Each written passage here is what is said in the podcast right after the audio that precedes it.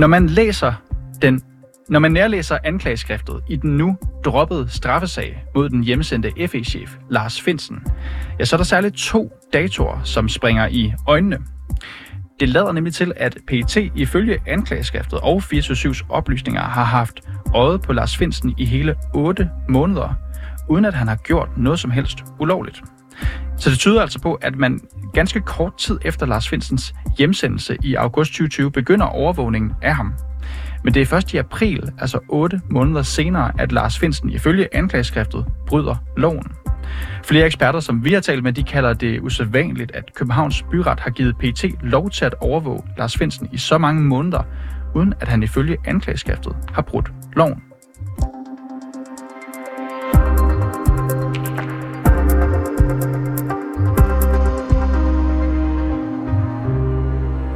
Ja, og tidligere i dag så talte jeg med David Nøjtski Wulf, som sammen med Lars Kjeldsen er forsvar for Lars Finsen. Nu indlægger du en forudsætning i spørgsmålet, som, som jeg ikke kommer til, til at bede eller afkræfte, men jeg kan i hvert fald sige, at, at, øhm, at vi har været øh, under sagen, og det er vi sådan set fortsat, fordi det er stadig spørgsmål, der ser meget interesseret i at finde ud af øh, præcis, hvad det er for nogle, nogle oplysninger, øh, der er tilgået byretten, da, da anklagemyndigheden øh, får de her kendelser øh, til, øh, til selve aflytningen. Mm. Øh, så det er et spørgsmål, kan man sige, vi har rejst, vi har fået afslag indtil videre. Hvis man sådan for alvor skal mene noget øh, om det her, øh, så er det for mig at se vigtigt at, at finde ud af øh, præcis, hvad det var, øh, PT havde med under armen, øh, da man øh, tog ned til, øh, til byretten. Mm. Det er der jo ikke nogen tvivl om, at man jo har fået de her kendelser, og man har også efterfølgende fået den, øh, fået den forlænget. Så kan jeg spørge sådan her, øh, David Notski Wolf. Altså, når vi kigger i anklageskriftet, så ligner det i hvert fald, at den første reelle, hvad kan man sige, øh, straffepunkt, altså tiltale, det, det sker 4. april 2021. Det er der, hvor man vælger at slå ned på det i anklageskriftet. Kan der være ting, som er som har fået før det, som øh, Lars Finsen kan være skyldig i, som kan være en del af den her øh, grund til, at man har aflyttet ham? Altså man kan i hvert fald sige, at jeg er fuldkommen ret i, at den første konkrete episode i, øh, i tiltalen, den er tilbage fra øh, april øh, 2021. Øh, og, og, og derfor øh, kan man øh, jo nok også øh, godt, øh, godt tænke sig, at den, øh, den aflytning, øh, som jo har fundet sted, og det har jo også været ude, øh, den, den er blevet, øh, kan man sige, forlænget af nogle omgange, hvor man har held til at overbevise en dommer om, at der var et tilstrækkeligt grundlag Øhm, hvor det er lidt svært at se i hvert fald øh, ud fra, fra tiltagen præcis, hvad det er, man har igen haft med under armen.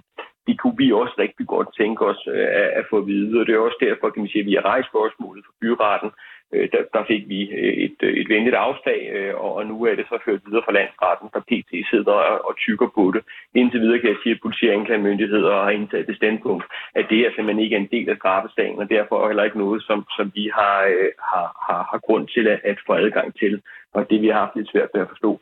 Du vil jo selvfølgelig meget gerne vide, hvad det har været for nogle begrundelser, som PT er kommet med her. Det siger du også selv. Hvad har I gjort for at få svar på det? Altså, vi, vi har anmodet om øh, kan man sige, ikke kun i den formelle anmodning, men også i de materiale, som, øh, som, som, og den redegørelse, som man har haft med øh, fra anklagemyndigheden, når man har bedt både om indgrebet, men også bedt om, at de bliver forlænget. Og vi har jo en formodning om, at det ville være naturligt, at man der øh, kan man sige, har redegjort for, for, hvad indgrebet øh, har kastet af sig i den mellemliggende periode, øh, og hvorfor det fortsat er, er, der fortsat er et grundlag for at opretholde øh, indhentningen. Og man kan sige, hvis ikke vi kan blive lukket ind i det rum, så ender vi jo kan man sige, med de her øh, lidt, lidt lidt mærkelige spekulationer. På et eller andet sted tænker jeg, at det er jo alles interesse, at spekulationerne kan ophøre, og vi egentlig øh, kan få bragt noget klarhed over, øh, hvad det egentlig var, øh, der, der foregik, øh, og, og hvordan kan man sige, at, at man øh, fik øh, en, en byretsdommer med på, på at øh, både indlede indgrebene, men også at, øh, at fortsætte dem. Og det kan jo sagtens være, at der er en god øh, forklaring øh, på det hele, øh, men, men, det er, men for at undgå spekulationer kunne det unægteligt være, være rigtig fint at få lidt lys på den her sag. Vi ved ikke særlig meget om, hvordan arbejdsgangen er i de her indgrebsafdelinger øh, i byretterne. Øh, vi ved, at PT typisk kommer med sagsakter, så tager de den med igen. Øhm, og, og der øh, har jeg i hvert fald et spørgsmål, der hedder, har dommeren indgrebsadvokaten nok tid ligesom til at sætte sig ind i det hele? Hvis vi, vi skal få et svar på det her, det håber vi jo, vi gør, øh, så bliver vi nødt til at komme ned i det her materiale og få adgang til det, og det håber vi jo også meget på, at, øh, at landsretten øh, vil give os. David Notchkiv, du er sammen med Lars Kelsen, forsvar for Lars Finsen, og du skal have tak, fordi du kunne være med her i dag. Selv tak. Ja, for at i gang sætte sådan en aflytning af en mistænkt, så skal PT have en kendelse ved retten.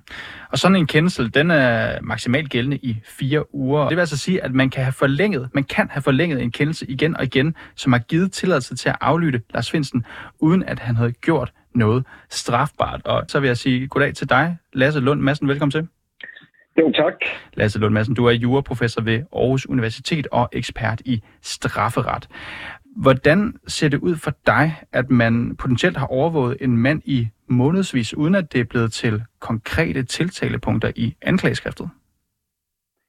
Altså det, jeg vil sige, det er, at det her det virker ekstremt usædvanligt, øh, hvis det står til troende, at man i op mod ni måneder har aflyttet og overvåget Lars Finsen, og det har været totalt resultatløst. Altså, som du var inde på her, så skal sådan en aflytningskendelse jo forlænges hver fire uge, og ideen med den ordning i loven er netop, at dommeren skal have hånd i hanke med, at det her ikke bliver uproportionelt, var det jeg prøvede at sige, og strækker sig over for lang tid. Øh, og øh, det har bare fået lov at køre og køre og køre. Og der skal også være et mistankegrundlag, for at man kan få forlænget sådan en kendelse, eller få den op at køre det hele taget. Og på et eller andet tidspunkt må man jo også stille sig selv det spørgsmål, jamen er der overhovedet en mistanke mod denne mand? Øh, man kan sige, det lange forløb afkræfter jo netop øh, på en eller anden måde, at han gør noget galt. Så det lugter for mig af, at man har været på fisketur, og vel at mærke i et farvand, hvor der ikke rigtig har været nogen fisk. Så øh, jeg synes, det er meget, meget usædvanligt, det her. Nu kalder du det usædvanligt. Du øh, siger, det nærmest ligner, at man har været på fisketur. Altså, hvor længe vil du sige, Lasse Lund Madsen, at det er normalt at aflytte nogen, uden at de begår noget kriminelt? Man kan ikke sige, at der er sådan en normal inden for det, fordi det afhænger selvfølgelig også lidt af, hvad, hvad øh, forholdskarakter, som vi jurister vil sige. Og det er selvfølgelig på papir, at det her er jo en alvorlig bestemmelse, men der er jo en grænse for alt. Og det, jeg kan sige, det er, at jeg har selv været anklaget en overrække. Jeg har ikke kendskab til lignende sager, at en aflytning eller overvågning har fået lov at køre så lang tid, uden at der er dukket et eller andet op. Så bliver det jo på et eller andet tidspunkt selvfølgelig lukket ned igen. Så ja, det selv med den her øh, alvorlige bestemmelse en mente, så virker det her ekstremt usædvanligt, det må jeg sige. Lasse Lund Madsen, hvad er det, hvad er det længste, du har oplevet, at man har øh, forlænget sådan nogle aflytninger her? Ja, men det kan jeg ikke sige, øh, og det vil jeg heller ikke sige, fordi der har jeg jo også selv øh, for, for jeg har en tavshedspligt omkring. Jeg kan bare sige, at jeg har ikke oplevet øh, noget lignende. Du kan sige, at 8 måneder, det er meget lang tid. Det er meget, meget lang tid, og man kan sige, som sagt, det her det virker jo ekstremt uproportionelt, og det er jo et, et meget, meget indgribende øh, skridt. Altså det er indgreb i Lars Finsens privatliv, og det som jeg forstår, det er jo, vi taler øh, rumaflytning og så videre. Ikke? Det er det alvorligste indgreb i folks privatliv overhovedet. Og vi har jo også et krav i den europæiske menneskerettighedskonventions artikel 8. Og i det, der ligger også, at de her indgreb skal være proportionale. Og et eller andet sted må der jo være en grænse, trods alt, også med respekt for menneskerettighedskonventionen, hvor lang tid man kan blive ved og lytte og lytte og lytte på en mand, og der sker ikke rigtig noget. Men øh, det stiller sådan set heller ikke som jeg ser det, Københavns Byret i noget, i, i noget umiddelbart særligt heldigt lys. Igen, der kan jo være detaljer, jeg ikke kender til, men det er for mig at se umiddelbart temmelig mærkeligt, at den her aflytning eller overvågning ikke bliver taget ned, når den bliver ved med at være resultatløs. Og Lasse Lund Madsen, nu er det jo heldigt, at vi har dig med, som øh, kan gøre os lidt klogere på et øh, emne, som ofte er ret kompliceret for folk at forstå. Altså, når vi kigger i anklageskriftet, der er ikke sket noget i de 8 måneder, som rammes ind af anklageren i øh, tiltalte punkter. Øh, der er ikke sket noget, som har været strafbart nok til at indgå i anklageskriftet. Hvis der ikke er begået nogen ulovligheder, hvad kan man så have af begrundelse, når man går ned til byretten, for at forlænge aflytningen af en mistænkt person? Jamen, det er jo også det, der for mig er meget mærkeligt, fordi i og med, at vi har den der fireårsfrist frist i loven, det er jo fordi, som jeg var inde på før, at retten skal have hånd i hanke med det, og så skal man jo kunne overbevise øh, retten om, at der fortsat er grund til at fortsætte. Og, og den grund bliver jo i tidens løb vanskeligere og vanskeligere at opretholde. Ikke? Man kommer øh, hver gang, man kommer der, der er gået fire uger igen, og det har vist sig at være resultatløst, jamen, så har jeg jo svært ved at se, øh, hvad er det for nogle argumenter, man finder op af posen. Men der kan være nogle detaljer, vi ikke kender til, men set udefra, der virker det godt nok øh, meget, meget øh, besynderligt, det må jeg sige.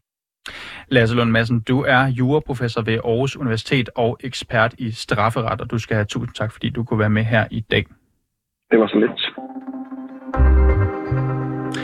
Og nu kan jeg så sige velkommen til dig, Hans Jørgen Bonniksen. Velkommen til. Tak skal du have. Hans Jørgen, du er tidligere operativ chef hos PET.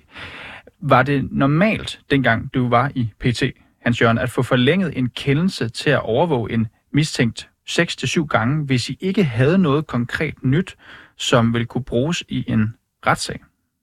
Så jeg kende, nu har jeg både været 20 år i Rigspolitiets rejsehold, og jeg ved ikke, hvor store vanskeligheder man havde faktisk med at få forlænget en sådan kendelse.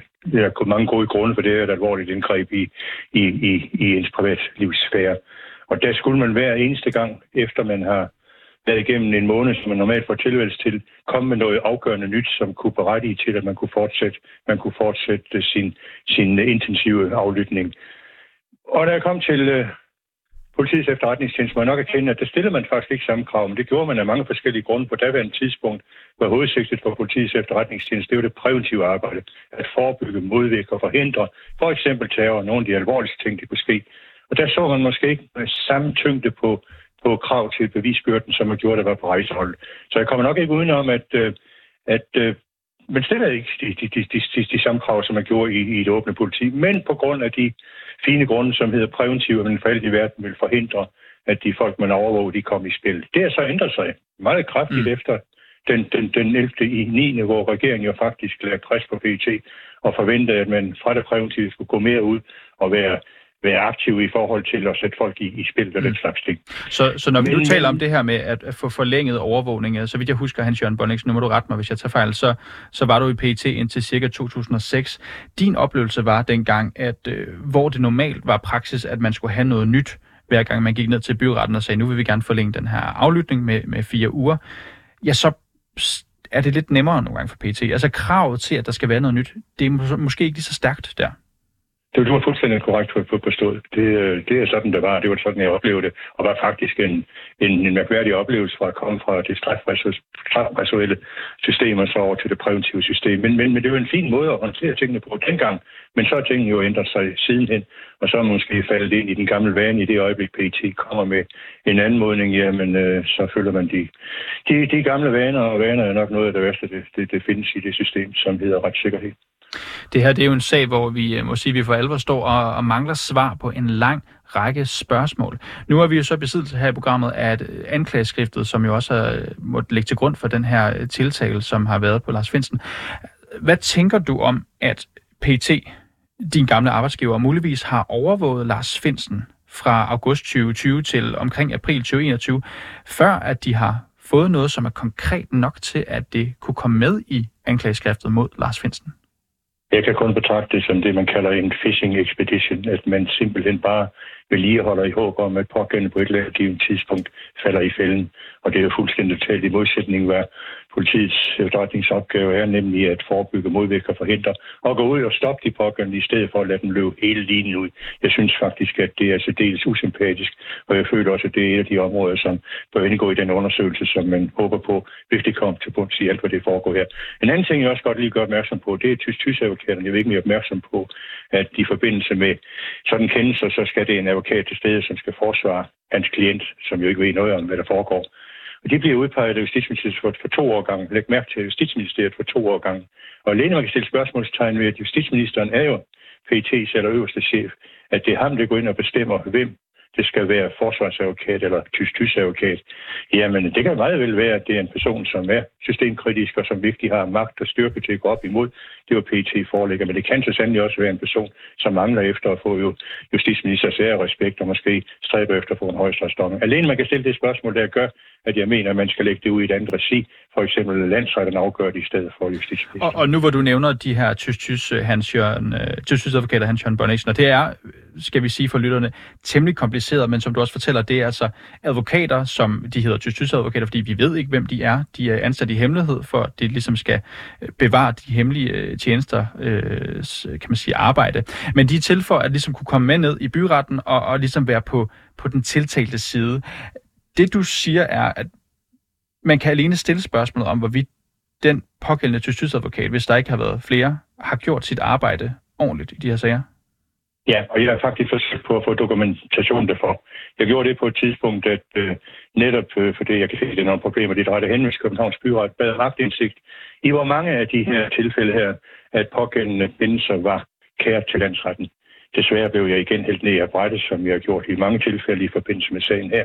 Og det blev så tilkendegivet over for mig, at det kunne man ikke oplyse, og det var ikke omfattet af, af min, min, min, min pligt til at få informationer. Og i øvrigt registrerer de ikke af den slags sager.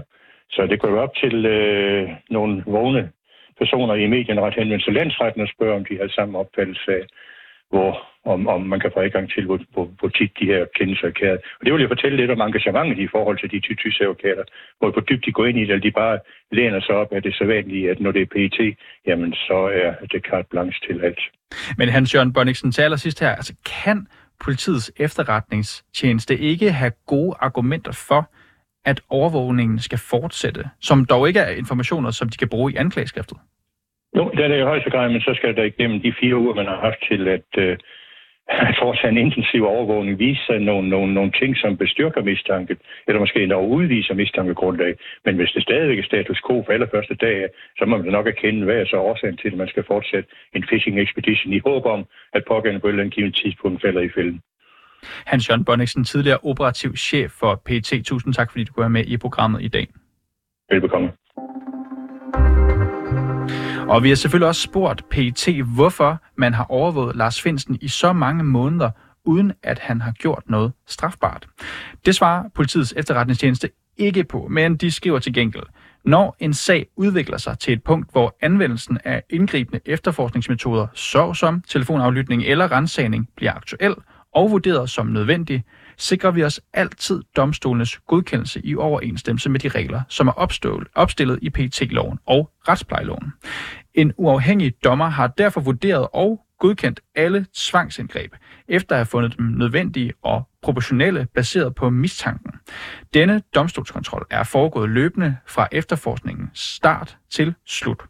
Og Københavns Byret har ikke ønsket at kommentere på sagen eller medvirke, og vi har selvfølgelig også været i kontakt med Lars Finsen, som ikke ønsker at stille op til interview, men som skriver til os i en sms, det er selvfølgelig stødende, at man har kunnet trække den ene kendelse efter den anden på et tilsyneladende nærmest ikke eksisterende grundlag, for blot at sidde og vente på, at det skulle dukke noget op. Det blev så en helt almindelig samtale i vores sommerhus i slutningen af april, hvor min kæreste kommenterer en avisartikel, hun har læst. Den sakser man ud af sin kontekst og blæser op. Jeg har i min tid som chef for PT aldrig selv været udsat for noget lignende. Og du skal også have tak, fordi du lyttede med til reporterne i dag. Det var alt for programmet. Husk, hvis du har noget, som vi skal undersøge, eller har ris eller ros, så kan du altid skrive til os på reporterne 247dk Og bag den her udsendelse var Majlinda Urban Kucci, Alexander Brøndum, mit navn det er Niels Frederik Rikkers, og Mille Ørsted er redaktør.